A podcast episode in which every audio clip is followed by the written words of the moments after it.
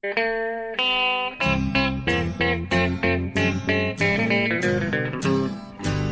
out there, we're on the air. It's hockey night tonight. Tension grows, the whistle blows, and the puck goes down the ice. The goalie jumps and the players bump, and the fans all go insane. Someone roars, Bobby scores at the good old hockey game. Oh, the good old hockey game is the best game you can name. And the best game you can name is the good old hockey game. Hallå, hallå, hallå, hallå, hallå allihopa! Det är dags för NHL-podden igen och det är avsnitt nummer 63 den här veckan. Och eh, Per Bjurman har precis eh, kommit via Penn Station upp tillbaka till sin vackra superlägenhet här på, mitt på Manhattan. Hur är läget? Jo tack, det är bra. Jag, ja, jag har precis kommit tillbaka från, från Washington. Ja. Åkte mycket riktigt tåg. Miljövänligt, bra. Ja. ja, det är ja, okej. Det kanske inte var så du tänkte i och för sig. Ja, men för all del. Ja, just. Varför inte? Ja. Det är mindre krångligt än att flyga till Washington. Ja, det kan jag förstå. Så gör man det. Ja. Ja, hur är läget då eh, överlag? Du har ju, är ju den som, eh, du svettas ju minst lika mycket som spelarna. Du åker ju hit och dit och bloggar var natt här. Jag påstår att jag svettas lika mycket som spelarna är väl att ta i, men jag, jag, jag, får, jag får anstränga min, min begränsade hjärnkapacitet till, till, till max. I alla fall. Ja, nej, men det är kul. Det är ju slutspelstider. Det är ju... Ja, vi kommer snabbt in i... De här serierna blev ju snabbt väldigt dramatiska i andra omgången. Ja, alltså inte minst den serien som du följer allra närmast då kanske. Ja, ja, det är ju Rangers Washington, men även andra. Så det, det känns ju som det håller på att bli den kortaste andra omgången i historien här. Eh, Ja. De är klara så, så blir blir final innan, innan eh, juni. Ja, ja kanske inte men eh, precis. Vi är vana vid att det minsann är Stanley Cup-final in på midsommarhelgen ungefär. Eh, Så brukar det vara. Liksom. Det var ju, var ju sensationellt förra året när Kings eh, spelade sju matcher i, ända fram till finalen nästan när, när de lyckades avverka Rangers till slut. Men det var ju... Nej, nu, nu ser det helt annorlunda ut. Det här var inte Ja, om riktigt det så... här går som man tror så blir det faktiskt, då är det klart i början av juni. Ja. Oavsett om de övriga serierna blir sju matcher i konferensfinal och final. Kanske, det kanske är skönt på ett sätt. Det blir lite ledighet sen. Ja, för man är så van vid att det, det tar slut och sen så puff så är det bara några dagar. Sen är det dags för draftuppsnack och draften kommer och sen så är det free agent frenzy liksom. Ja, och awards däremellan. Ja, just det. Exakt. Så det brukar gå i ett liksom. Men nu kanske man får en vecka däremellan. Hur har du det själv då? Du mår bra när ditt Tampa går som tåget mot Montreal?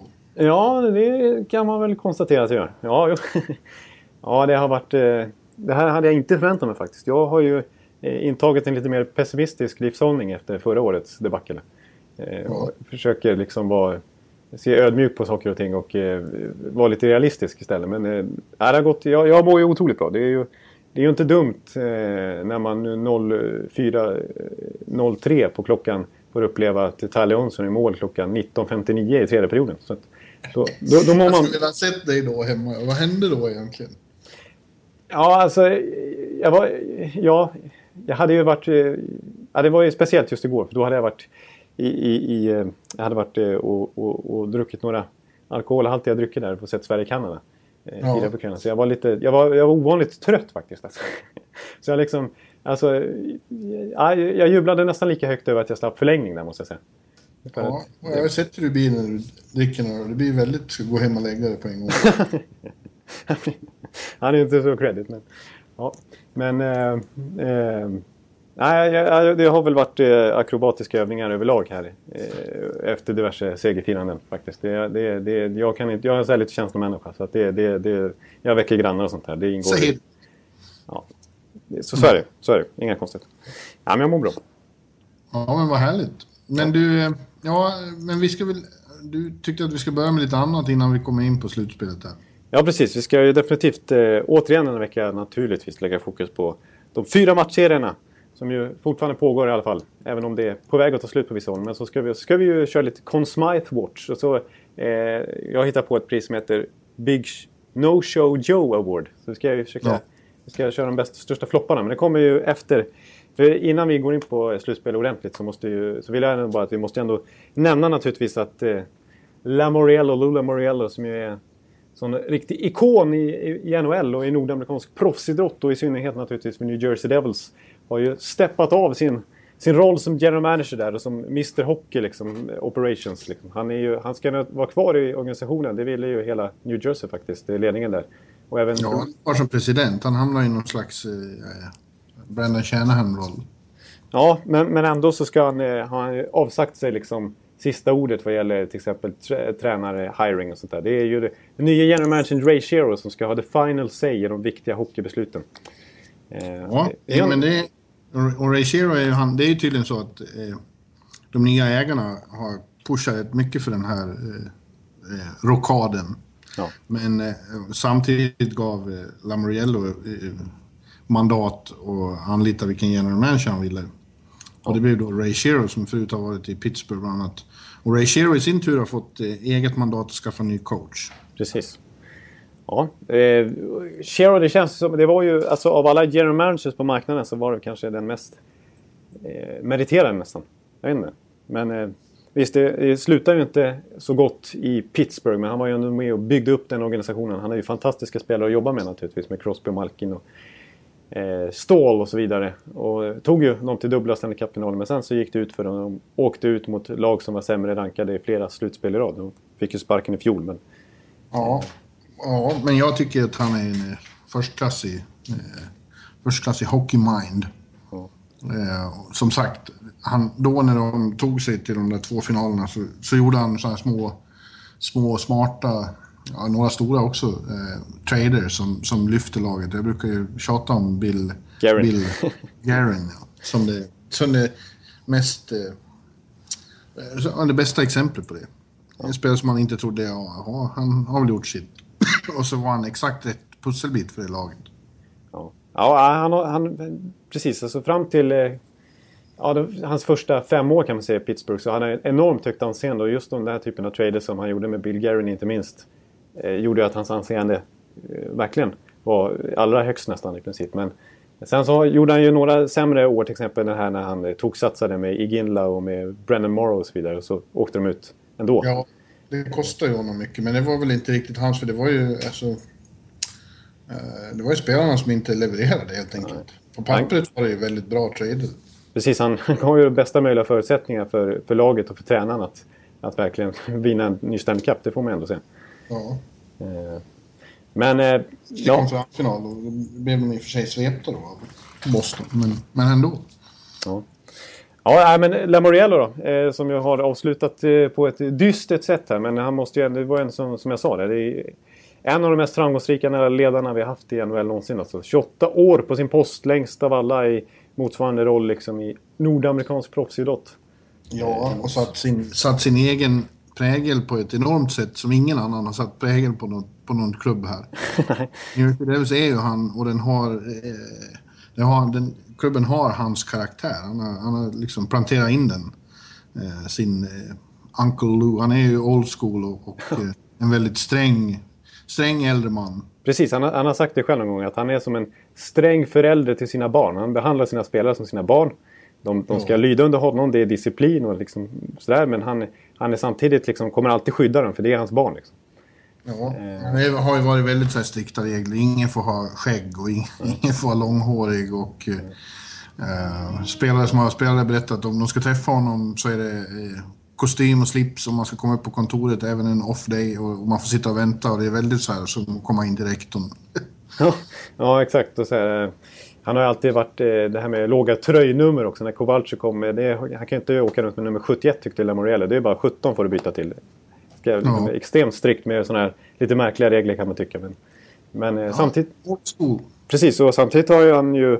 Ja, det finns ju väldigt många undantag också. Men överlag så är det väldigt många skickliga spelare som han har tagit in i organisationen som har älskat honom och som har eh, verkligen köpt det här New Jersey-konceptet och förblivit där så länge. Jag menar Marty Brodeur, Scott Niedermayer, eh, Scott Stevens, och ja. hur många som helst. De vann ju tre Stanley Cups på åtta år. Eh, ett, och det var ju hans defensiva stil och liksom hela hans eh, lagtänk där som, som, eh, som bar, bar fram dem. Liksom. Ja, det är många som stannar kvar i organisationen. Eh, de som inte har varit där tycker ju att det känns som det där kan inte vara något kul. Men de som har varit där länge är ju extremt lojala och stannar kvar och eh, antingen jobbar som assisterande i, i Devils Ja, eller exakt. i, i farmarlaget eller så blir de som eh, eh, vad heter det, expertkommentatorer. De är runt organisationen. Det är, det är som en familj där. Det är en väldigt speciell familj. De har ju byggt lite vi mot världen och vi mot Manhattan och vi mot eh. Ja, det är väldigt mycket vi mot dem-känslan lite grann. Där. Alltså, det, är, det är en riktig familj. Eller så det, man får, I och med att den heter Lou Lamoriello så får man lite maffiastämpel på honom. Det, det är den känslan jag får. Ja, lite som, som tagit ur Sopranos. Ja. Men eh, han är ju eh, ingen spring chicken längre. Han är över 70 år och, och det, kommer, det kommer en dag för alla när det är dags att släppa åt sidan. Ja. Och han hade, han hade ett tid, jag har inte lika lång tid. Det, det låter som eh, en annan, ett annat universum för dig i din ringa ålder. Men eh, Ja. Ja, men alltså... Ja, det, ja, det slutade ju lite sisådär för honom. För han, efter den här Stanley Cup-succén, när de gick till finalen mot Kings 2012 ja, den stora överraskningen var ju det. Exakt, det var ingen som, det var ingen som pratade ens om New Jersey inför det slutspelet. Eh, och sen gick de ända till final och det, det var ju, de, de spelade fantastiskt bra då. Eh, men efter det så, så försvann ju Parisi. Och eh, de fick ingenting i utbyte, de släppte ju han. Eh, han de lyckades inte förlänga, han försvann på fria marknaden. Och sen blev det ju total fiasko med Ilja Kowalczuk. Som de gav ett eh, 56-årskontrakt i princip. Eh, och sen som ju själv valde då att lämna hela, hela NHL och de fick bryta kontraktet och de blev av med första val som straff och då, det tickade fortfarande mot lönetaket och de fick ju ingenting i utbyte. Det var ju... Ja, eh, det blev ju katastrof. Eh, och det, är klart, det är klart att det är svårt att komma tillbaka efter sådana smällar. Liksom. De har ju inte kunnat ersätta dem på något vis utan de, det har ju varit de här ja, lite misslyckas. Det, det, nu, det blir ju tufft. Det, han har ju ett, ett tufft jobb framför sig här nu, Ray Shero. För det är mycket... Det är ett extremt ålderstiget lag, New Jersey. Eh, Med, de enda 90-talisterna på forwardsidan är ju då Jo- Josefsson och eh, eh, Henrik, Adam Henrik. Eh, och på backsidan ser det bättre ut naturligtvis. Där har de lite, men eh, på forwardsidan liksom, vad gäller prospects pool och så, rankas de ju i princip sämst i hela NHL också. Så de har ingenting på gång riktigt heller. Utan det är, visst, de har bra målvakt i Corey Schneider och de har eh, Siversson och Adam Larsson som tog stora framsteg i slutet av säsongen. Men det, det, det, de har mycket att jobba på där. Gelinas. Ja, Angelina precis. Och eh, Joe Merrill och sådär. Jag, må, jag måste bara säga en sak till med, med vår vän Lamoriello. Eh, som jag läste en, en, en fin text med honom efter hans avsked här. eller man ska- Han är ju fortfarande kvar i klubben. Men, eh, när han pratar om karriären, liksom, sina 28 år där i New Jersey som eh, boss. Eh, eh, han nämnde faktiskt eh, Dan Labraten. Ja. Dan Labråten. La, la, labrat, labrat. Ja, det går ju så dåligt alltså. Jag fattar inte hur jag kan. Jag kan inte ens sätta svenska namn alltså. Det är helt otroligt. Dan Labråten, menar du att du inte skojade nu? Du tror att han heter Dan Labraten? Ja. Herregud. En, Nej, inte så gammal. hockeyspelare. Dan Labråten. Ja, det var så han. Ja. Och jag som trodde jag skulle liksom... Eh, Nu trodde jag att jag skulle få dig på liksom så här, nu, nu när jag nämner här, men det sket sig totalt. Ja, totalt ja. Det är den värsta sen Esposito det här. ja. Oj, oj, och jag liksom sa det med sånt eftertryck också. Nej, det, det Ja. går liksom inte att gömma. Usch, nu måste jag ta en klunk. Säg igen. Vad sa du? Dan Labraten. Åh herregud. Ja, men-. Dan Labråten. Okej. Ja, ehm, Och i den, Leksand. ja, ja, den här Leksingen i alla fall. Han, eh, jag känner till att det är en stor spelare. Ursprunglig värmlänning. Ja, just det. Eh, han var ju bra. Eh, jag förstår att det, det är en ungdomsidol till dig måste det vara. Visst? Ja, Stor, stor på Ja. 80-talet. så, Ja. Eh, eh, ja. Han, han i alla fall. Han, var, ju- han har varit scout åt New Jersey. Och eh, eh, Lamoriello ville särskilt eh, nämna honom eftersom att det var han som eh, upptäckte Brian Rafal- Rafalski i, eh, i IFK den satt Helsingfors. alla fall. Ja, där satt den. Precis, Brian. Eh, han, eh, det- en tung värvning som jag var med och vann Stanley Cup och blev en legendarisk back till slut. Han, det var ju oväntat att en ganska... En, så han var väl 26-27 år någonting tror jag när de hämtade upp han eh, från finska ligan. Tidigare varit i Brynäs också, Rafalski. Och, eh, och bli sån succé. Så det var Labra, Labratens eh, förtjänst. Labråten. Labråten, ja. Ja, Så är det. Just det. Så, vi, vi går vidare från det här. Det här gick inget bra. gå vidare. Ja. Jag tycker vi ska nämna att det från, eh, från Prag har kommit eh, rapporter om att eh, Nashville Predators spelare där, som är med där, inte har glömt att det var en ung reporter från Aftonbladet som ställde sig mitt på deras klubbmärke Ja, usch ja. i februari. Ja, ja jag, jag, jag, fick det, jag fick ett sms från Ros eh, att det, det var tydligen eh, en hälsning därifrån. Omklädningsrummet. Ja. Ja. ja, det var också... Forsberg och Ekholm, ja. Upprörda på det. Ja, ja Fortfarande. precis. Ja. Nej, jag skämdes ju något brutalt där alltså. Det var ju inte, jag var ju inte eh, the guy to speak with så att säga efter det. Eh, och, eh, Så farligt var det inte. Det kan nog vara så att jag ligger bakom att de skulle säga så till Ros också. var det så? Det kan, jag Det säger kan vara så. Ja. Ja, jag, jag, det var en... Det var en alltså, jag kommer ihåg Shea Webbers blick där, men jag kommer också ihåg eh, den, den, den snälle presschefen som för en gång skulle liksom blev ilsknade till ordentligt i blicken. Alltså. Då var jag övervakad alltså, resten av de fem minuterna i det omklädningsrummet. Ja. Ja, men det Var det? ska vi prata mer om? Vi måste bara nämna i förbigående också att eh, eh, det, det rör sig på coachmarknaden där. Än Ja. är det väl inte så mycket som är bestämt. Eh, Nej. In, Tampas gamla tränare sägs ju vara, eh, vad heter han? Guy Boucher. Ja, han sägs eh, ha blivit tillfrågad av, jag tror det är både Toronto och Flyers. Ja, det, Flyers är lite oväntat med tanke på den öppna protesten just Flyers gjorde mot Bouchers hockey i Tampa Bay. Ja, men det är länge sedan. Det är länge sedan, ja precis. Eh, Och Boucher har ju, har ju arbetat upp sitt anseende lite grann igen i Schweiz och haft hand om, om eh, ja, vad heter det, Spengler Cup-laget för Kanada och sådär. Det har varit bra i Schweiz. Ja. Och eh, ja, nej, jag är inte så förvånad. Jag tyckte ju själv som sagt, vi pratade lite om han tidigare när vi, när vi pratade den här tränarrokaden som är på gång, cirkusen som kommer att ske i sommar här. Att, eh, att han, han är nog en ganska taktiskt drillad och, och bra coach egentligen, Boucher. Det är bara att han hade ju helt fel material sett i sin hockey i, i Tampa Bay. Eh, han, han vill ju spela fysiskt, han vill spela tight och defensivt och han vill, ja, han vill ha tunga spelare, bra liksom.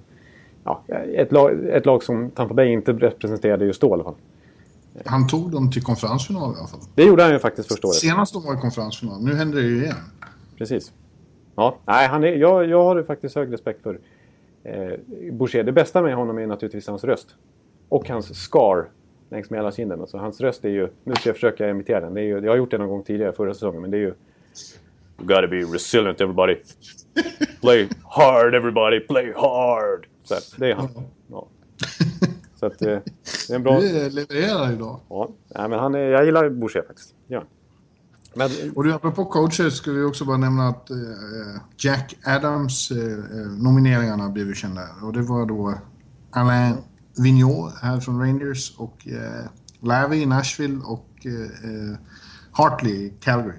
ja, Det var väl inte helt oväntat, även om jag tycker att Maurice i Winnipeg gott kunde ha fått en nominering. precis. Jag, Sitt förvandlingsnummer där. Ja, verkligen. Jag, precis. Men jag, ändå, jag tycker ändå att det var bra att, att en sån som Alain Vigneault blev nominerad. För han har, han har gjort väldigt bra där i Rangers naturligtvis. Nu ser det lite, vi kommer gå in på Rangers här i slutspelet. Men, men ofta så tycker jag att det blir ofta, alltså det var ju, ja, ofta blir det lite de här otippade lagen som eh, vars coacher blir nominerade.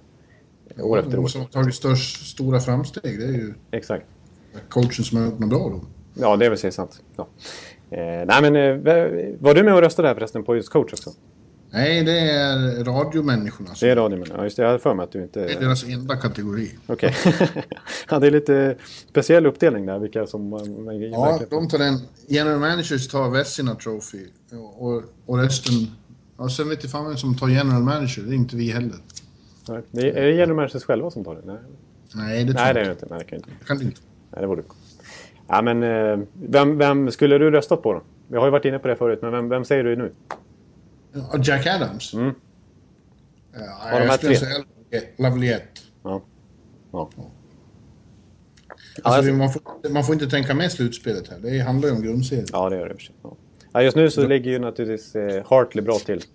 Ja, ser- men eh, man röstar ju innan, innan slutspelet eh, eh, har börjat.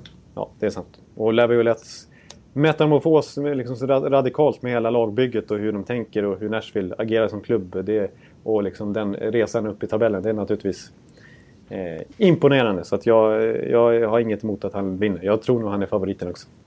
Ja, det är inte så att man röstar om nu efter slutspelet, utan rösterna är lagda och det finns redan en vinnare. Ja, precis. Exakt. Ja. Eh, vi har hört för, för övrigt att Todd McClellan verkar ju vara Edmonton är, är favorit just nu. Också. Ja. Det blir intressant. ja. Jag tror att många avvaktar vad som händer med, med Babcock. Ja, det kommer nog dröja länge precis tills han dels eh, liksom upp, uppenbart uttrycker att han i så fall lämnar Detroit. Eh, Ja, och han har kontrakt till sista juni och dessförinnan händer väl inget. nej, exakt. Så det, det kan nog, precis, den här tränarkarusellen kan nog eh, snurra som, eh, alltså långt in i, långt in i augusti, alltså i sommarmånaderna här. Så det, det dröjer, precis. Babcock är dominobrickan som måste falla. Liksom. Ja. Så det. Eh, Men det, mm, det finns andra namn också. McLellan som Boucher som du var inne på. Randy Carlisle och lite sådär. Vi får se vad som händer med Claude Julien också. Det spännande. Precis. Mm. Precis. Ja, du, jag tycker att du sa det här med Conn Smythe och så. Jag tycker att vi, det blir ju mest, mest logiskt om vi går igenom serierna som pågår först och sen tar det efteråt. Ja, det tycker jag också. Ja. Vi gör så. Så vi, vi ger oss i kast med Stanley Cup-slutspelet. Ja, Mm. och då kan vi ta den match som vi sitter och väntar på när vi spelar in då. Framförallt du väntar på den, men även jag med, med, med eh, stor förväntan här. Eh, Tampa-Montreal, Tampa Bay Lightning, back-to-back. Eh, Ja. de spelade ju igår. Och eh, eh, Tampa har 3-0-ledning i serien. Slagläge kan fullborda en sweep och få verklig revansch för fjolåret. Bokstavlig revansch. Ja, total bokstavlig revansch och nästan så här, alltså eh, precis, det är en riktig sån här eh, gruvlig revansch också som man brukar säga. Det är ju eh, i och med att vi Tampa faktiskt vann fem raka matcher i grundserien också. Ja. Det är en märklig, märklig total liksom turnaround här till den här säsongen. Eh, lite svårt att, riktigt peka fingret på vad, det- vad det beror på. Naturligtvis så hade vi ingen Ben Bishop i kassen då. Vi hade en helt annan backuppsättning förra året. Men, eh, ja, 3-0. Eh, jag har ju naturligtvis sett den här serien extra mycket eftersom att det är mitt lag, Tampa Bay. Och jag är fantastiskt subjektiv här. Eh, Men jag måste ändå hylla, alltså, visst Montreal får mycket skit här naturligtvis för att de ligger under med 0-3 men jag vill ändå säga att det har varit, alltså till och med den här 6-2 matchen, alltså där, där det rann iväg lite grann så har det varit tre otroligt jämna matcher. Inte minst Game 1 och 3 och spel 5 mot 5 så har faktiskt Montreal varit minst lika bra som Tampa Bay, om inte bättre i långa sekvenser. Framförallt har de börjat bättre hela tiden. Åtminstone de två matcherna uppe i Bell Center. Jag såg ju inte igår eftersom jag själv satt eh, i Verizon Center. Men uppe i Bell Center kändes det som Montreal, och i synnerhet de match två när de fick till slut så mycket stryk, eh, inledde otroligt bäst. Precis, exakt. De kommer, kommer ut med en helt annan e- energi liksom och eh, helt annan desperation. Och sen så bara tryck mot nätet. Det var ju, det var ju Ben Bishop som, som räddade Tampa Bay där. Det är ju inget att tveka på. Ja. Eh, men eh, samtidigt så vill jag säga så här om Tampa Bay också. Eh, att och, att eh, de lärde sig, alltså så här, jag var inne lite på det förra veckan också, det här med grundseriespelet. Att Tampa liksom var ju ett tokoffensivt lag i slutspel. Hade mest, eh, bäst corsi, liksom, mest skott på mål, mest possession. Och eh, mest mål också naturligtvis i hela grundserien. Men i slutspel har det sett annorlunda ut. Då har de, då har de backat hem ganska ordentligt. Tajtat till det ordentligt och, och prioriterat försvarsspelet. Och direkt jobbat hem med tredje man i defensiv, liksom när de varit i offensivt läge. När, så att för att eh, hindra kontringar och så här. Och det var ju för att i första matchen mot Detroit så blev det väldigt uppenbart att det nödvändigtvis inte är, är det här spelet som funkade i slutspel när de, när de åkte på en 3-2-torsk. Trots att de hade 46-14 i skottövertag. Eh, då, då blev de lite sönderkontrade och, och släppte in enkla mål. Liksom. Eh, och eh, så såg det ut även eh, längre in i serien. Det höll ju på att bli 3-1 överläge till och med till Detroit. Och att de hade kunnat förpassa ut Tampa ganska snabbt i den här serien. Men sen så bytte Tampa filosofi. Och i, i den här, inför den här serien mot Montreal så var ju snack, snackisen att, som det sett ut i grundserien, att Tampa kommer dominera, kommer ha possession. Men de kommer få skitsvårt att göra mål på Carey Price. Det är Montreals eh, stora S. Eh, Ja. Och eh, Montreal är ett erkänt skickligt kontringslag. Snabba forwards som kan ställa om snabbt och skickliga backar också som kan hitta passningsluckor och sådär. Eh, men det var precis tvärtom. Montreal har dominerat possession men de har haft omöjligt att få hål på Ben Bishop. Medan Carey Price varit mänsklig. Ja. Faktiskt. Eh, lite ologiskt där också. Faktiskt. Men sen har de ju också vid i avgörande tillfällen, framförallt match två, varit extremt odisciplinerade och blev frustrerade och tog en otrolig massa dumma utvisningar. Ja, exakt. Det var eh, en kavalkad. Tampas eh, powerplay fungera något fruktansvärt bra. Ja, det var... Ja, det var riktiga. Det var... Iskallt ett tag. precis, det var ju ett kat katastrofalt. Det var väl 16 raka utan mål inför den matchen. Och det, varit, det var ett aber hela grundserien.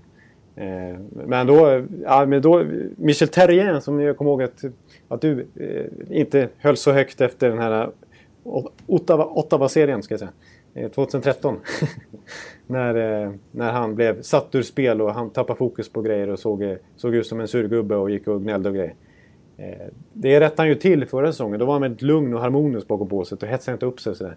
Men nu igen när, när det har blivit dålig disciplin så här, då har man sett på färgerna och mycket så här handen för pannan och, och liksom eh, lite gnäll på spelarna i båset. Så här. Det, det, det, är inte, det är inte lika disciplinerat Montreal eh, längre.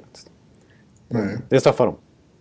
Eh, och framförallt det stora problemet för dem också, alltså, de får inte hål på Bishop, men de internt, liksom, man ser ju på Twitter, Montreal-fans gnäller över att de, de har inte riktigt, de har ju inte tillräckligt bra forwards på att göra mål heller. Det, Visst, Pacioretty... Nu känns det så, men det har ju varit problem. Alltså de, när de har vunnit, de flesta matcher de har vunnit har ju varit att de har gjort ett tidigt mål och sen försvarat sig. Eller lämnat över showen till Price. Ja, precis. Litat lite på försvarsspelet och kontringen och så här. Så har det varit. Och nu har de inte förmått det. Men sen är det väl samtidigt så att en, en sån dominant från fjolårets slutspel som Subban inte har varit samma, samma eh, faktor i år. Nej. Nej, det har han inte varit. Han är, han, han är ju fortfarande bra och spelar mycket och han löser situationer på ett så imponerande sätt som man liksom bara... Och han har ju haft... Eh, det känns som att han har haft många ribbskott. Han har haft otur också lite grann. Men, eh, men visst, han var ju så otroligt bra förra året. Ja, precis. Eh, och förra året så, så kommer jag ihåg att det, det var liksom... Ja, det var Dale Weiss och sådana här killar gjorde ju en massa mål. De, de liksom, det var ju secondary scoring på Montreal. Eh, de, de fick ju valuta för, för alla sina kedjor i princip. Men, men nu, nu, nu är det många som är inne i en drought. Och eh, en som framförallt får mycket kritik, det är ju på backsidan för sig, det är ju Markov som börjar bli riktigt slö. Ja, han, men han har ju även i Ottawa-serien så begick han ju en del underliga individuella misstag plötsligt som blev kostsamma. Liksom. Och så känns det som det har fortsatt lite. Ja, ja. Han, har, han har han har, jag vet inte riktigt vad hans plus minus statistik i den här serien ser ut, men den kan ju inte vara klockren. Nu har i och för sig mycket varit powerplay-mål, men han, har, han, har, han, nej, han, han har tappat framförallt i fart och han lev, kan inte riktigt eh, kompensera det med sitt spelstil längre heller. Eh, men en, en liten notis som jag har gjort där då, eh, apropå Markov, det, eh, det är faktiskt det här med att eh, det har, borde hänga ihop det här med att spelet har blivit mycket snabbare och att eh, eh, och det här med att istiden har förkortats så att det krävs mycket större bredd i lagen och, och liksom spelet har utvecklats. Det är ju att vi ser mycket färre äldre backar som är dominanta i NHL idag. Eh, ja. För jag tyckte, ja, backar man bakåt i tio år så hittar jag liksom namn som Lidström, Rob Blake, Teppo Numminen, Sergej Zubov, Matthew Snyder, Brian Leach liksom i toppen av poängligan. Eh, ja. Det var majoriteten av topp 30 i backarnas poängliga i grundserien i alla fall. Var spelare över 30 år och många över 35 år. Medan när man kollar på idag, eh, hur det ser ut i grundserien. Det var två, spelare, två backar över 35 år som var topp 40 i backarnas poängliga. Medan de som låg i toppen, det var ju såna här killar som, det var ju 90-talister i princip. Erik Karlsson, John Carlson, Roman Josi, Tyson Barry.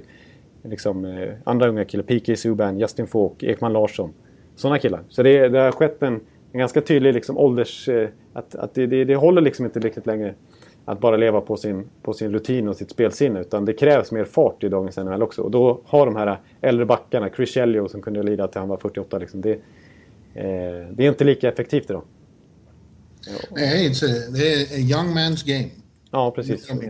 Och då ser vi en sån som Sergej Gonchar, han får inte ens spela hela slutspelet. Eh, Nej, det går så fort. Precis, de här gamla backarna som, som har så högt anseende, de, de blir mycket tidigare blir de utknuffade av yngre förmågor faktiskt i dagens Ja. Ja, men vad tror du nu då? Vi måste ju ta den här otroligt... För andra gången den här slutspelet, andra gången den här slutspelsomgången så är det alltså ett mål eh, on the buzzer. ja, det är osannolikt nog. ja. Det är en sekund kvar. Victor Hedman slår en... Eh, ännu en gång en fantastisk passning till Tyler Johnson och han avgör när det är en sekund kvar. Otroligt demoraliserande såklart för Montreal. Ja, man såg på deras eh, kroppsspråk efter det. För de hade dominerat i två perioder då och verkligen skapat överlägset mest målchanser. Tampa Bay hade ju så här 10 skott efter två och en halv period i den matchen. Eh, men då vill jag ändå lyfta Viktor Hedman som gör det så bra. Där, för att just Andrei Markov är det som försöker slänga sig och täcka undan det två mot ett läget. Men då är ju Hedman iskall. Trots att han vet att det är bara någon enstaka sekund kvar. Så väntar han ju ut Markov så att han liksom rullar iväg. Och sen slår han passningen så att han får in den. Och Tyler kan ju bara peta in den i öppen kasse liksom. I princip. Eh, så att, och Hedman får ju extremt... Vi har ju varit inne på hela säsongen och även förra året, hans genombrott. Men han får ju extremt mycket cred nu. Jag vet att John Butchigross, jag vet inte hur högt du håller honom. Det är ju en, det är ingen expert, det är ju mer en, en programledare väl på ESPN. Ja. En, en sån där som har varit där hur länge som helst. Eh, han, är, han är ju lite hockeygalen.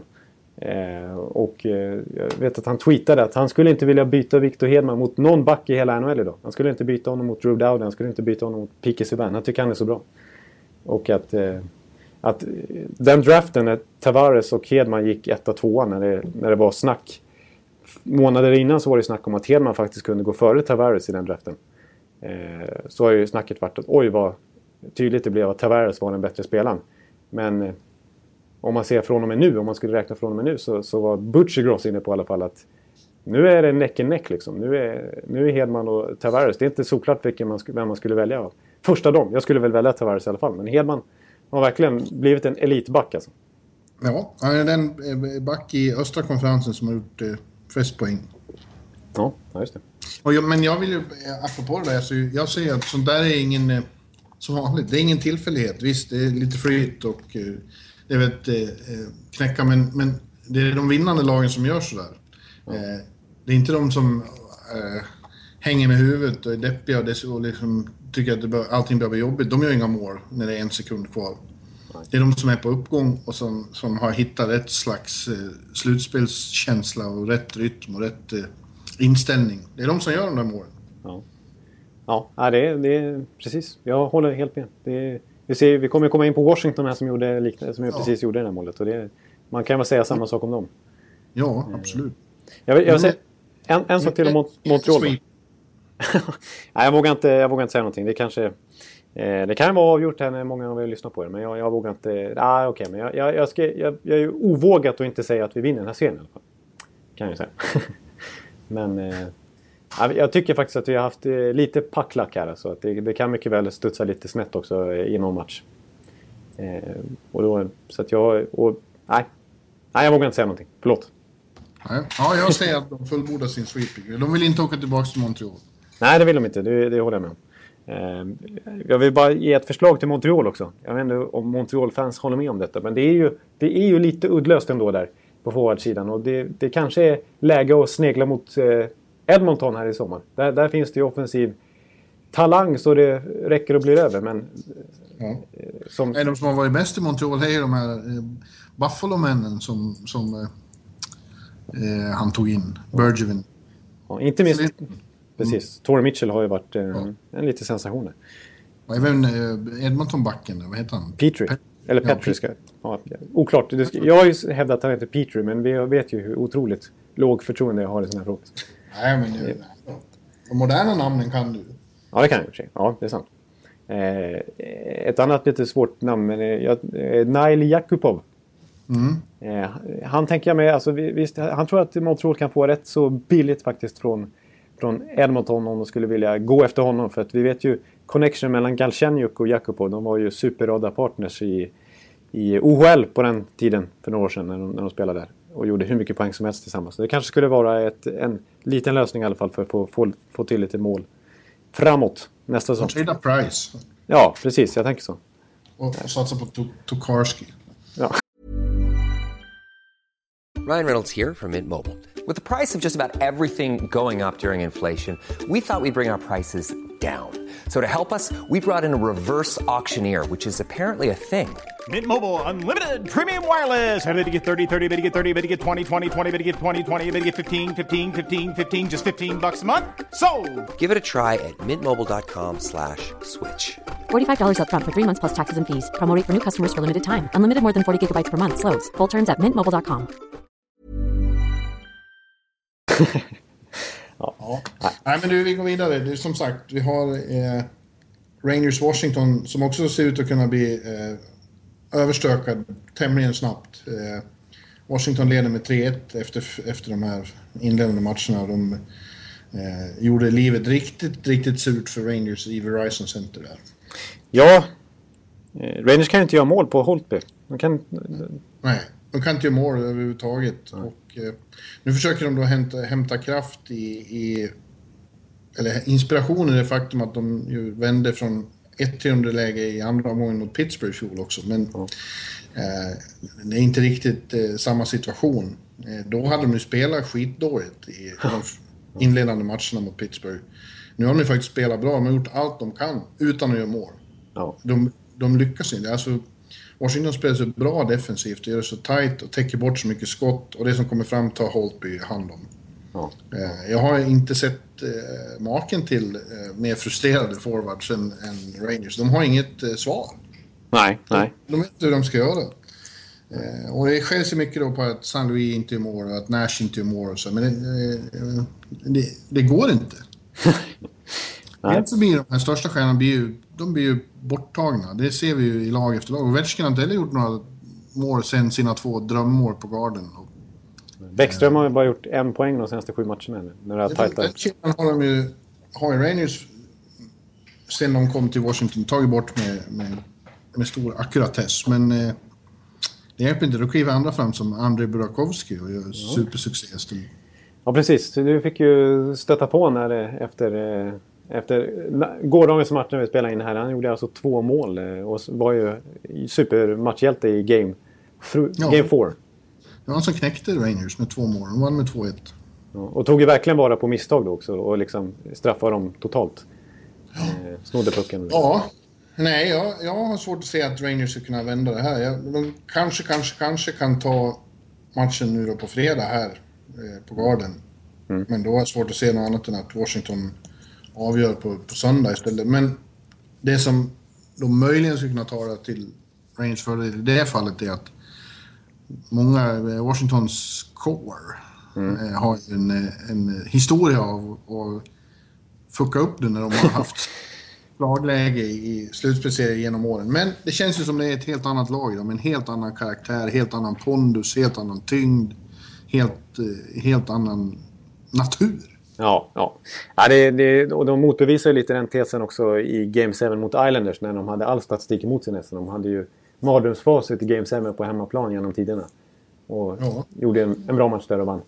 Eh, Men får jag säga en sak om Washington? Och det, det, det, det, jag, säger, jag tycker det är väldigt, väldigt, väldigt, väldigt mycket Nashville, trots Nashville-prägel på det här laget. Alltså, eh, en, en otroligt bra keeper. De har ju Mitch Korn där som verkligen...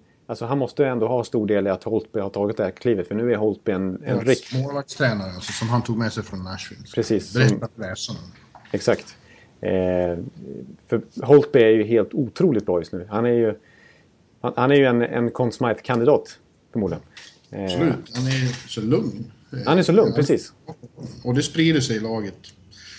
Men det är också alltså de här... eh, Att de tradade till sig Niskanen och Orpik har ju varit för dem lika viktigt som, kan vi konstatera nu, som det var för Islanders att få Boychuk och Leddy. Ja. Eh, men eh, att de är bra är en sak. Och, men det känns ju som det har smittat av sig på andra. Sådana som Mike Green och Ja. John Carlson och Olsner. De gör inga misstag längre. Nej. Inte ens Mike Green som var så... Som la såna ägg. ja, Mike Green var ju på enormt utåt, liksom utförsbacke i karriären efter sina 70 poängsäsonger där. Så kändes det som att han har tappat det och eh, att han liksom...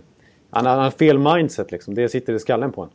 Och nu, nu, känner, nu uppträder han ju jättelugnt och liksom, han är ju en bra defensiv till och med. Ja, Eh, precis. Och Ja, precis som, som, ja, alla de där backarna som du nämnde har ju liksom som, som är Washington-spelare sedan tidigare har ju lyft sig också. Det, är- det är Alsner, John Carlson gör väl sin bästa säsong i år också. Det, ja. Och en sak som jag tycker har varit Washingtons problem också eh, genom de här slutspels och fiaskoåren det är, ju, det är ju att de har varit lite för beroende av Ovechkin och Bäckström att de ska leverera. Och man, man har gnällt på, och just på grund av den anledningen så har man ju gnällt lite på att Ovechkin och Bäckström, framförallt Ovechkin har ju fått en, en väldigt oförtjänt stämpel av sig att inte leverera i viktiga matcher och, och, och vika ner sig så här. Han har ju ändå ett, ett snitt på 65 poäng på 60, 65 matcher. alltså i, i slutspel när vi spelar in det. Alltså en poäng per match. Eh, om man jämför med Rick Nash som har 0,47 poäng per match. Mm. Eh, så, men, men, men de, och de har just secondary scoring. Och jag menar, du sa ju Burakovsky. Det är, Ward har ett matchvinnande mål. Beagle har ett match, matchvinnande mål. Chimera, Kuznetsov. Det, det, det är många som levererar. Men det görs ju inte mycket mål i den här serien. Det räcker med att de gör ett eh, så vinner de. Ja. Eller två då. De spelar li, li, lite som, eh, det, som, som, som Rangers till viss del gjorde förra året och som kanske Montreal vill spela. Ja. Eh, ja, men sen Ovechkin, eh, sagt, de här två matcherna på Garden, då gjorde han ju två mål som var sådana mästerverk så man satt ju bara och gapade faktiskt. ja, alltså första målet när han körde sin lilla hälsning till Henkesen. Ja. Eh, det var ju ett, var eh, ett superhandledsskott. Men det, det, är väl andra målet som är lite den stora, liksom, ja. som man kommer ihåg. Alltså. När han liksom bara vräker sig mellan två backar och bara får iväg ett skott när han egentligen inte är i balans och det inte ska vara möjligt att få ett sånt tryck i skottet. Och Henke Lundqvist är bra positionerad men har ändå ingen möjlighet att ta det. Liksom. Nej. Ja, det första skottet där i första man, det var ju så snabbt så pucken gick inte knappt att se ens på slow motion. ja, just det. Och det andra skottet som sagt, det ska inte gå att göra på... Han är ju, står ju på knä i princip. Ja. Faller. Ja. Fallande gör han det målet. Ja. Ja, man, man, tror inte att man, man, man tror inte på det man ser riktigt. Men mm. vilken artist. Ja, jag undrar om det inte har lite grann med det här med... Han, är, han har ju fått cred för, eller han får ju bli ofta framlyft för att han använder klubbor på rätt sätt. Han förbrukar ju 2000 klubbor på en säsong ungefär. Och han, kör ju, han har ju väldigt, han har ju olika klubbor och olika spelformer. Och man såg ju vilket, vilken snärt och vilken katapulteffekt han får iväg i sina handledsskott i, i 5 mot 5. För då har han ju en väldigt mjuk klubba så att han ska i trängda lägen kunna ändå få svikt i skotten. Och, och i, i powerplay så kör jag en hård klubba och dunkar på slagskott. Liksom. Eh, och eh, där vet jag faktiskt att, att en annan spelare som har börjat med lite klubbspecial det är Brian Boyle i Tampa som ju var i Rangers förra säsongen. Han, eh, han kör med eh, en klubba med väldigt låg tyngdpunkt och, och så här, mycket, mycket vikt eh, framåt bladet för att eh, det gynnar honom hävdar han i tekningar och sånt där. Han har ju bra tekningsprocent. Så, så det, det, finns en någon slags... Eh, man kan, man kan lägga detaljer, liksom, det finns detaljer där att jobba på också för många spelare. Kanske. Sen saknar jag, tror jag att Rangers saknar då Mats Zuccarello väldigt mycket. Ja. Dels så är det när det blir så här extremt tight och jobbigt i Washington zone så hans kreativitet och eh, ibland helt geniala passningar det som kan öppna upp sånt. Ja. Eh, men de saknar också hans eh, eh, sandpappersattityd på hans passion och hans eh, grit där ute. Ja. Han är ju en som får andra lagspelare att bli jätteirriterade och ofta inblandade i små gurgel och så. Och de har inget riktigt sånt. Det känns som att Islanders hanterade eh, Washington mycket bättre och bland annat just genom att spela väldigt fysiskt mot dem. Ja. Ja, jag håller, nej, det håller jag helt med.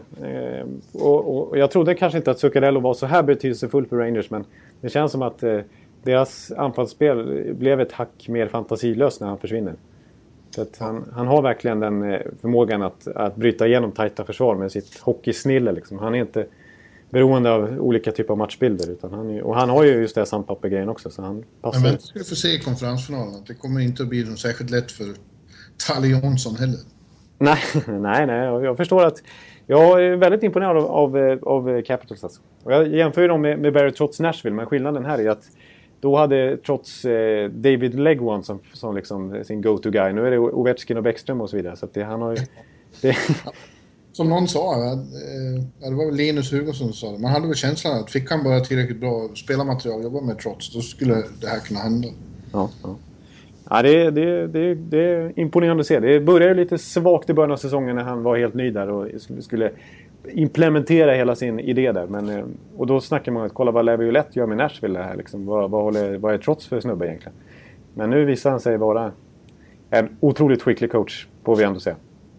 Han är inte så mycket i underhållningsbranschen kanske. Men. Nej, det gör han inte. Även om jag var, tyckte det var en mysgubbe där i, i Road to Winter Classic. Han är fantastisk, ja, som karaktär. För men hans hockeyfilosofi... Nej, den är ju, den är ju inte så attraktiv. Men den är framgångsrik. Alltså.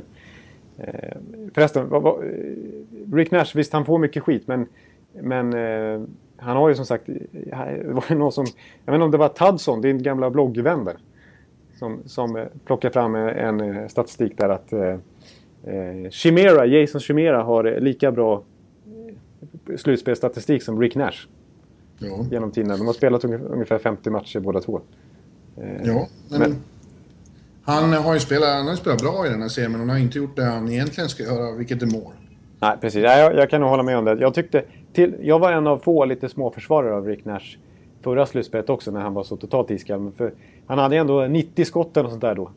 Och, och, fick ju ingen utdelning. Jag tyckte, ändå att, jag tyckte ändå att han var rätt bra i spelet. Det var bara att han var så otroligt ineffektiv. Ja, jag tycker han var ännu bättre. Alltså defensivt så har han varit en av de bättre mm. i, i de här två serierna, faktiskt. Mm. Eh, men det är ju inte egentligen det han får sin väl tilltagna lön för.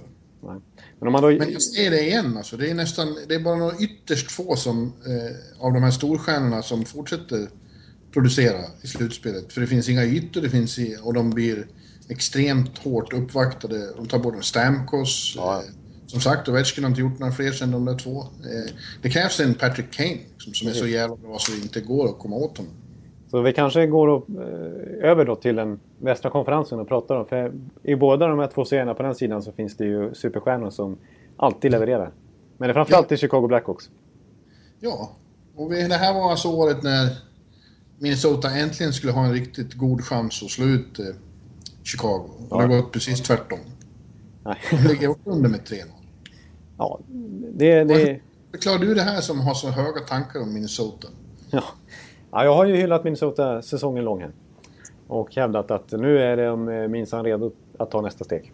Och mm. De har, fick pusselbitar på plats där i form av en, en målvakt de kunde lita på. Och ett andra backpar som, som jag håller högt där med Scandella och Spurgeon.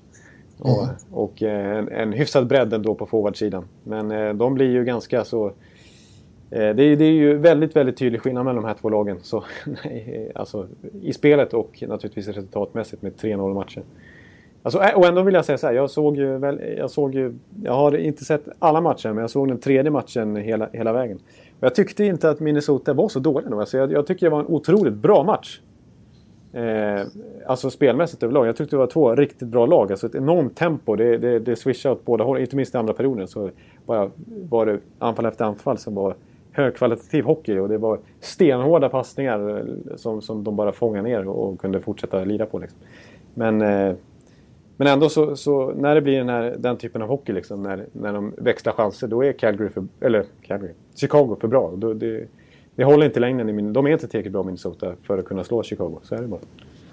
Ja, jag, jag hävdar att Chicago har, de har kackerlacks eh, mentaliteten. Ja. Som bara de och eh, LA Kings har utvecklat. Mm. Eh, de har så många matchvinnare, så många som, som, som, som attityd att de alltid vet att de kommer att vinna vad som än händer. Ja. De blir inte uppstressade, de får ingen panik. De står inte och sätter pannan för huvudet där i båset. Utan... Det måste vara fruktansvärt frustrerande att möta dem. Ja.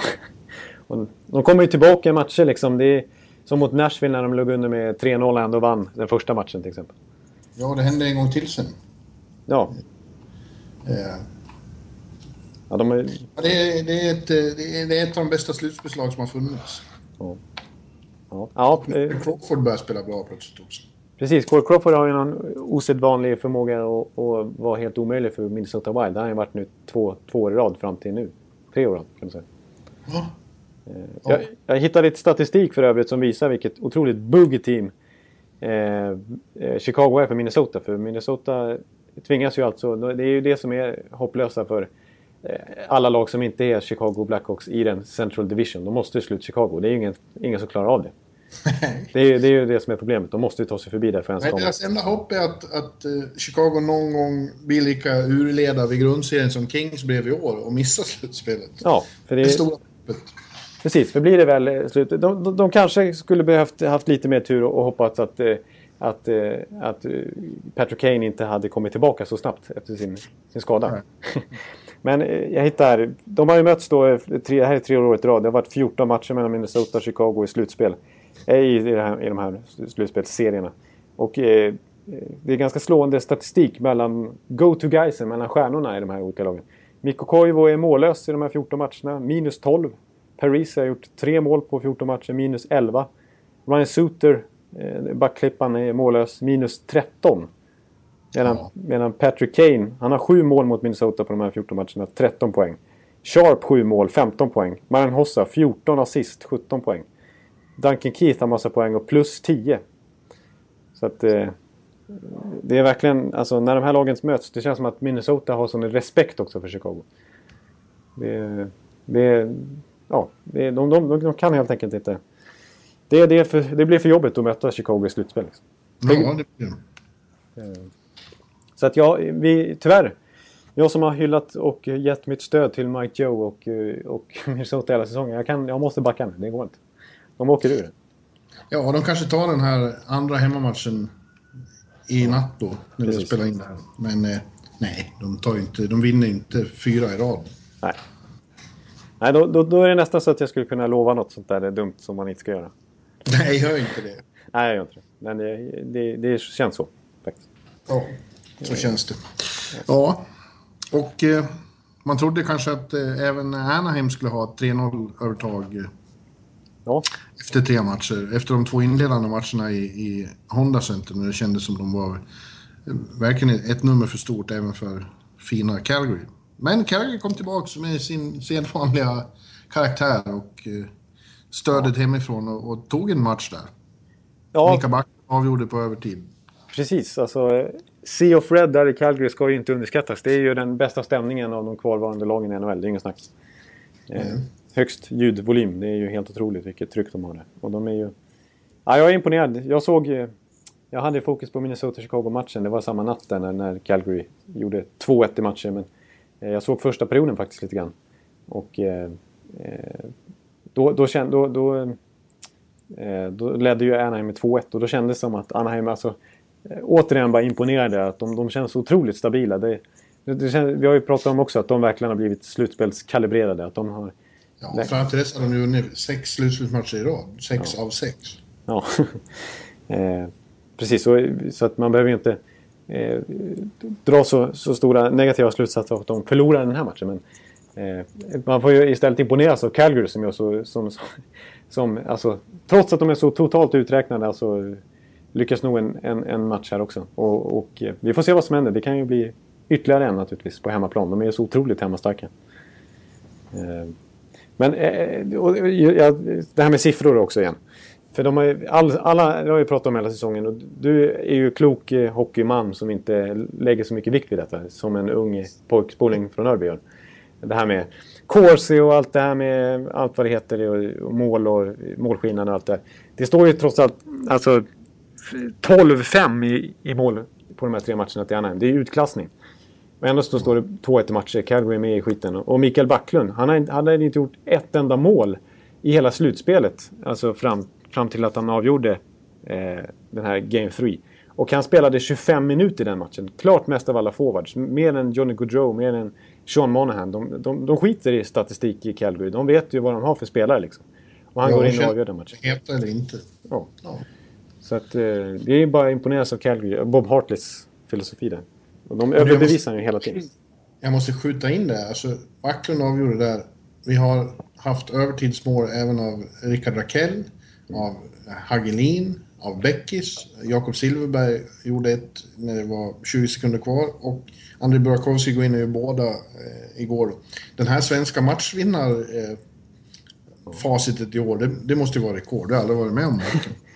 Ja, det, det har jag faktiskt... Jag måste säga att jag inte tänkt på. Men det är ju extremt många namn du, du fick rabbla Jag har tänkt på det eftersom jag ska ha tag i dem jämt. Ja. ja, nej, men det, det är ju jätteimponerande. Ja, det är det. Swedish, inga, inga chicken sweets, utan chicken... eh, Vad säger Swedish clutch.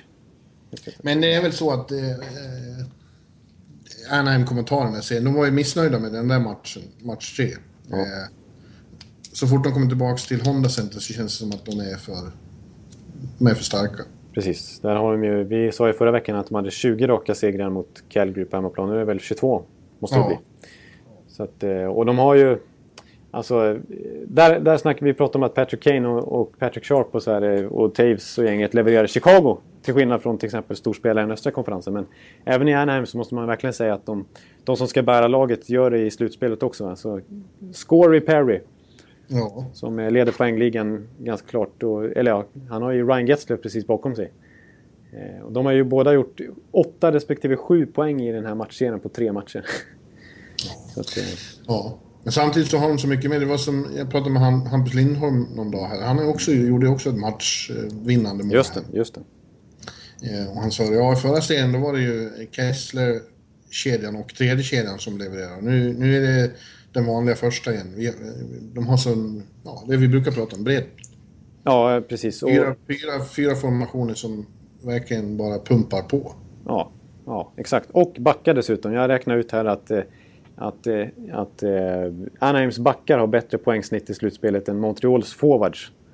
De har ju gjort 24 poäng tror jag backarna på bara sju matcher som det. Så det är otroligt, otroligt poängsnitt från backarna också. Mm.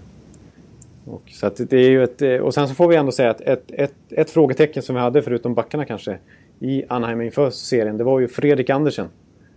Eh, han har ju inte behövt stå på huvudet kanske, men han har ju ändå varit stabil. Ja, det enda obehagliga på den punkten är att om han blir skadad då blir det gamle Jason LaBarbera. Ja, jag har, är det inte Gibson då? Gibson sitter inte på den här... Gibson är skadad. Han är skadad, det har jag missat. Och då det blir det Jason LaBarbera. Ja, som vitt jag har förstått, ja. Då, det är ju den, eh, det är, det är han som jag brukar... Eh, det är min go-to-guy när jag ska hitta en, så här, jämföra med en dålig målvakt. Din go-to-guy, har du en sån? Alltså? Ja, jag har en sån eh, som jag brukar plocka fram när, när någon är dålig. Då är han som Jason LeBarbera. Liksom. Ja, jo, jag har sett honom väldigt dålig några gånger. Ja, ja. Och visst är han sur. Men Gibson nu ska väl bli bra snart så de får bära in honom på en sån här kungagrej igen som förra slutspelet. Som, som Kings hävdat om. Ja. Han, ja. Apropå Twitter-hån sen så måste man säga att det, Rangers gör det snyggt där med no caps. Ja. Kör bara små bokstäver. Det har de inte haft mycket för. Nej, det har verkligen inte haft mycket för. Det, nej, det är sant. ja. Ja, jag, jag, jag, är jätteimponerad av Anaheim och det känns som att eh, visst, eh, Tampa Bay ser bra ut och Washington ser riktigt bra ut. Jag, jag vet inte om jag, jag håller nästan, jag ska vara, jag ska vara ärlig här och, och hålla, att jag nästan håller Washington som favorit i nästa konferens just nu. Men eh, de... de det säger du bara för Ja, just. Men eh, om jag ska ta två contenders i allra högsta grad så måste jag nog säga att Anaheim, det står nästan mellan Anaheim och Chicago. Alltså. Ja, vilken episk konferensfinal. Det kommer återigen kännas som den moraliska finalen i konferensfinalen i väst. Ja. Som det var mellan Kings och, och, Blackhawks förra året. Och mm. ja, det kommer ju vara dags, dags Blackhawks nu. Vilken jävla serie. ja, det är så sjukt bra spelare. Det är, så, det är liksom slutspelslag in i minsta detalj. Det är liksom bredd, det är bra målvaktsspel, det är bra backup, i, i, bra matchning av laget, fantastisk taktik helt rätt mindset i, i alla matcher och så, så att det, ja. Så är det. Men du, nu har vi nämnt några, flera av dem som både hamnar på båda listorna antar jag. Ja, det är nog mycket möjligt. Ja. Ja. ja, vi lär ju köra våran, våran Conn Smythe och No Show Yo Award. Ja, det är du som har tagit fram dem och jag får kommentera. Ja, precis. Ska vi börja i, i god dagar Och ta ja. Conn Smythe? Ja. Eh, jag körde min topp 5 här som jag, som jag ser racet eh, ligger till just nu. Eh, på femte plats så tog jag Ryan Getzleff. Mm. Eh, på fjärde plats tog jag Braden Holtby. Mm. Tredje har jag Patrick Kane. Jag tycker ändå att det är så imponerande att han eh, från den här skadan kommer tillbaka och visar vilken otrolig slutspelskung han är.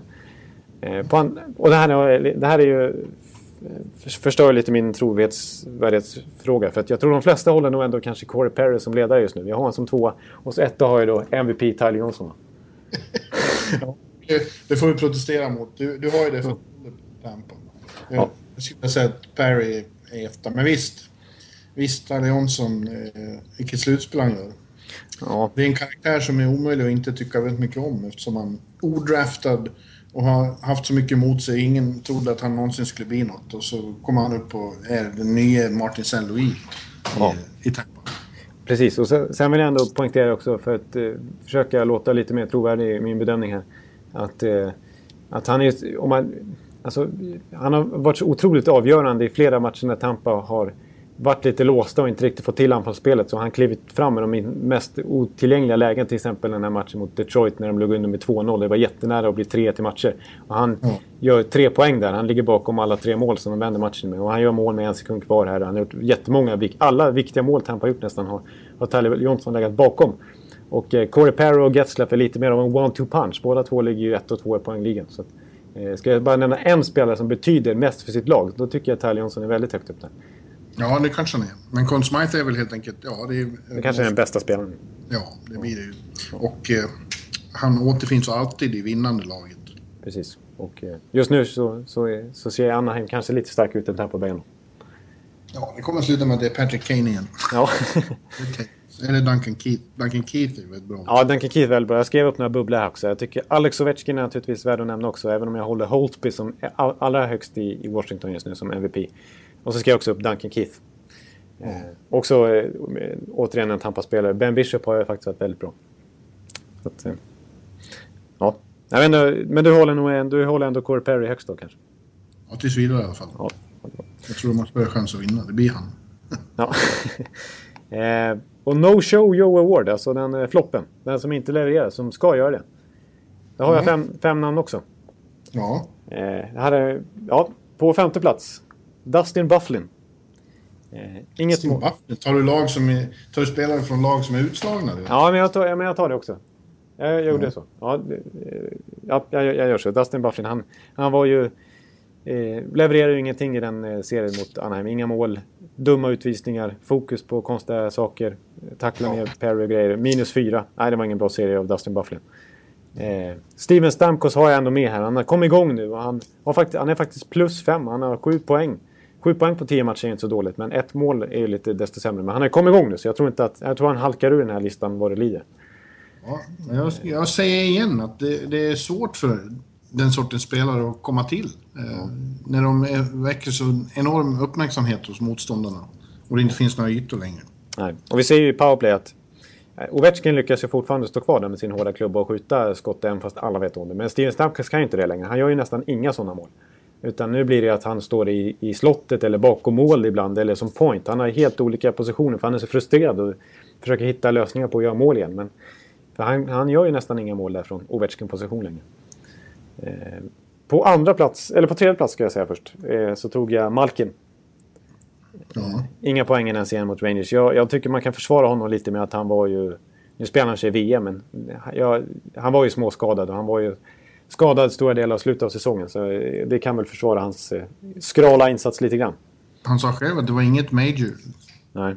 Nej han, kanske ska, han kanske ska vara högre upp på listan. För det var ju en... Nej, väldigt... de är utslagna. Det är ja. ointressant med de som är utslagna. Eh, jag har i alla fall en som är kvar.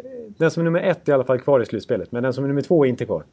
Mm. Och det är Paul Stastny i St. Louis. Mm. Som ju var en sån marquee signing av, av St. Louis i somras. Att nu, det var ju... Nej, det var tydligen... Ryan Miller var ingen målvakt. Vi lägger pengarna på något annat. Vi lägger pengarna på en första center, för det har vi också haft problem med. Så vi lägger 7 miljoner på Paul Stastny. Och han, som var så bra för Colorado i slutspelet förra året, trots att de åkte ut. Och Paul Stastny levererar ju inte ett skit i det här slutspelet. Han gör ett mål, inga assist, minus tre. Ganska knapert med speltid i vissa matcher. Och, och en slät figur. Precis som många andra i St. Louis. Så att han, han, han förtjänar en plats. Och nummer ett, det kanske du kan gissa, jag vet inte. Ja, du har väl Rick Nash där? Ja, just det. Rick Nash kanske jag skulle ha med på listan. Nej, han är inte med. Nej, men då har du Martin, Martin St. Louis då? Nej, det, nej det, jag har ju ingen Rangers-spelare. Jag kanske var lite för snäll med, med Rangers här. Nej, jag har inte... Jag, jag har faktiskt Thomas Vanek. Ja, okej, okay, okej. Okay. Eh, nu har han ja. gått 16 matcher i rad om man räknar i Montreal-tiden också utan mål. Minus 7. Eh, sitter och tjänar 6,5 miljoner dollar per säsong. Fick äntligen komma hem till sitt Minnesota och de skulle lägga sina dyra Danny Heatley-pengar som de äntligen blev av med på en, på en spelare som levererar istället. Och då tog de in Thomas Vanek och han är nere i tredje kedjan i princip och gör ju inte... Gör ju inga mål. Och det är ju mål som Minnesota verkligen behöver just nu. Ja, ja nej men han... Det, det, det vi såg i Montreal var inte bara för att han var i Montreal. Han har tappat helt enkelt. Ja, ja, ja. Och visst, det har vi återkommit några gånger till också. Att han visar ju vilken ledare han är när han var i Österrikes, österrikiska landslaget under OS där också. När han tog ut dem och festade och grejer istället för att spela hockey. Ja. Så att, eh, det, är, ju- det är ju ingen clutch. Det är ingen Swedish clutch på han inte. Jag trodde att du, Martin St. och Rick Nash har ju inte heller gjort mål. Ja, Rick Nash gjorde ett mot Pittsburgh. Eh, men Louis, Martin St. Louis, eh, han trampar verkligen i luft. Ja, ja, precis. eh, Det var ju lite typiskt att precis när du skickade sms igår också så gjorde han ju en assist som var okej. Han var ju fin. Ja. Det, det vet ju du som eh, Tampa-fan, han är ju en streaky människa. Ja, ja, precis. Han, han, men jag är ändå förvånad över att han har tappat så mycket i år. Alltså, det är ju ändå en... en, en det, är, det är ju en... eh, Alltså en han har ett spelsinne som är liksom naturbegåvningsartat. Men sen är han ju en träningsprodukt också. Han är ju lite såhär Cristiano Ronaldo. Han har ju en superkropp. Och är, trots att han är gammal så är det ju inga fysiska problem på honom. Så jag förstår inte riktigt hur han har kunnat tappa så mycket i poängsnitt i år och vara så borta nu i, i, i, eh, för Rangers i det här slutspelet. För att jag, jag har ju minne av honom som en otroligt kliva fram. I 2011 var ju han ju Tampas bästa spelare. Och jag kommer ihåg honom med oerhört välbehag 2004 också när han gjorde så många viktiga mål i, i det slutspelet när de vann. Men nu är han osynlig. Ja. För osynlig. Nej, han är inte osynlig. Man, ser, man ser väldigt tydligt att han, att han eh, inte får... Eh, han är ju mycket på isen och, och river och sliter och skjuter utanför hela tiden. det ser man. Ja. Nej, det, han kanske skulle ha tagit plats. Jag, jag får revidera min lista. Men jag, jag tog i alla fall namn som inte har levererat. fall. Det vill jag stå för. Ja, Ja. Jag hade några bubblor också. De, har, de, de är inte du så intresserade av för de har också åkt ur eh, slutspelet. Och jag tog Pekka Rinne, Andrew Hammond och Andrew Ladd. ja.